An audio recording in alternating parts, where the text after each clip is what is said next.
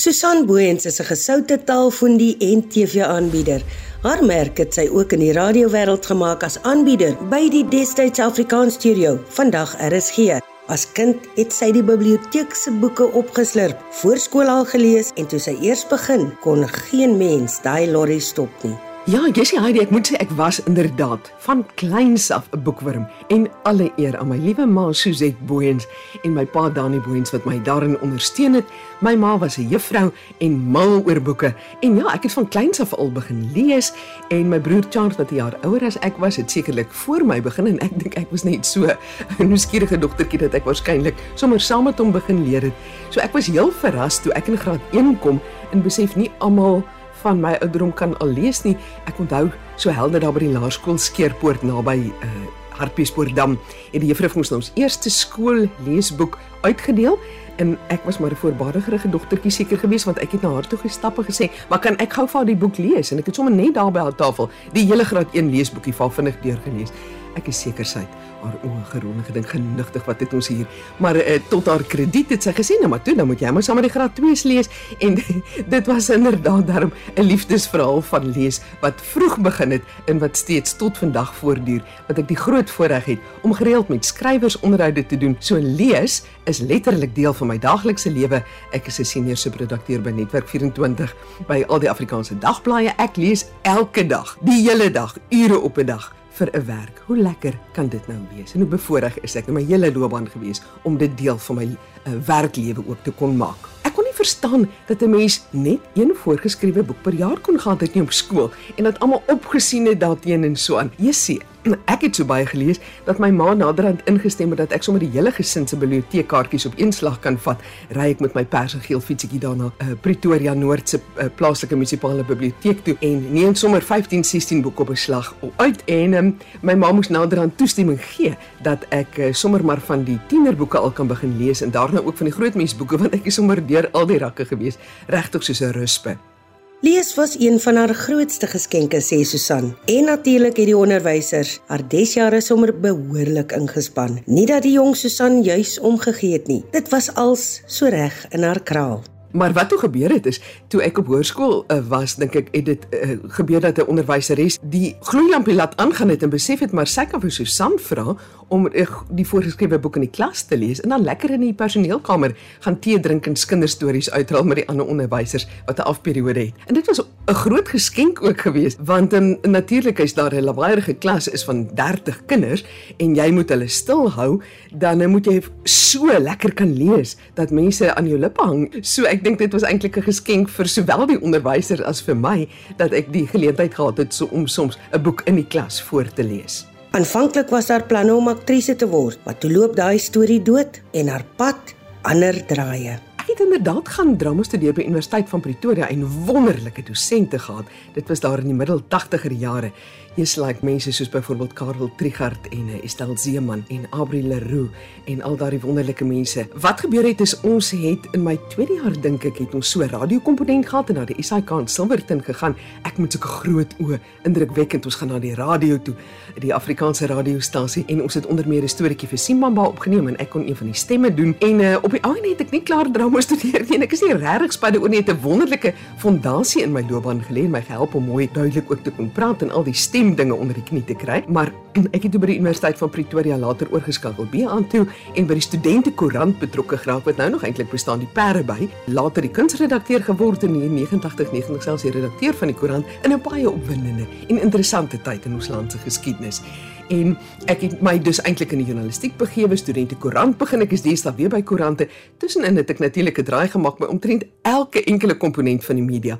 Ek het gewerk by radiostasie, by TV as 'n veldaanbieder en ook 'n ateljee aanbieder en ek het in Skotland gewerk by die Herald Koerant groep waar ek uh, met aanlyn webtuistes gewerk het vir klein skotse dorpies. Ek het al 'n bietjie vir tydskrifte geskryf. So uh, deesdae werk ek weer by koerante, maar dis natuurlik ook netwerk 24 en ek skryf resensies by kunste feeste vir die kunstefeeskoerante. So my hele loopbaan was eintlik maar die journalistiek, maar daardie drama jare op tikkies was tog eintlik 'n baie baie goeie fondasie. Maar ek is seker dis nie 'n groot verlies vir die wêreld van die teater of die flieks of die televisie dat ek nie aktrise geword het nie, maar die vaardighede het wel baie handig te pas gekom. Haar positiewe ingesteldheid is opvallend en eintlik ook aansteeklik. Voor die kameras is Susan die rustigheid self. Sy's na dese aanbieder van 'n TV-vasvra program en sê sy, wanneer jy regtig iets wil hê, moet 'n mens soms waag en jou hoed in die ring gooi. Jessie, jy weet, mens kan nie eintlik krediet daarvoor vat dat uh, jy rustig is of dat jy 'n mooi stem het of of warm oorkom nie.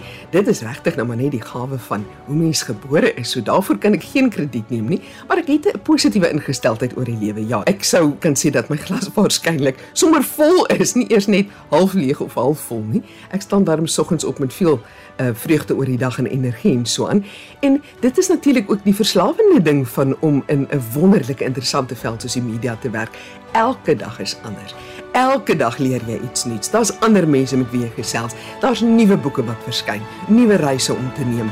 En uh, ek sal as ek weer 'n keuse gehad het, beslis weer my in hierdie wêreld begewe het. Toe ek in Wie word 'n miljonair deelgeneem het, ja, het mense nogal na die tyd opgemerk hoe kalm ek was en uh iemand het my gevra maar hoe doen jy dit? Toe sê ek ja, maar vir my as daardie kamera aangaan, die rooi liggie aangaan in die ateljee, dan raak ek ontspanne. Dis regtig net 'n genetiese gawe. Ek was nog nooit bang om voor mense te praat nie. Dis een van die lekkerste goeters vir my om te doen. Vir my, ek weet daar's ander mense wat dit geweldig stresvol ervaar. Selfs my liewe suster Hanlie Booyens wat 'n fantastiese joernalis is en sy het eintlik ook al so goed op die radio leer praat en op TV, maar sy sal nog steeds spanning ervaar as sy uh, byvoorbeeld op die radio of TV moet optree. Vir my is dit net 'n plesier. En wel, ek is nou nie geseën met 'n maar lyfie of ek lyk nie so Charlize Theron nie, maar ten minste het ek die gawe om rustig te bly as dinge rondom my woes raak. Ek dink as ek wel kan raad gee, is dit dat 'n mens uh, jouself na waarde moet skat, genigtig. Daar's te goed wat jy goed kan doen en dat 'n mens dit op 'n mooi manier kan aanbied. Jy hoef nie arrogant te wees nie,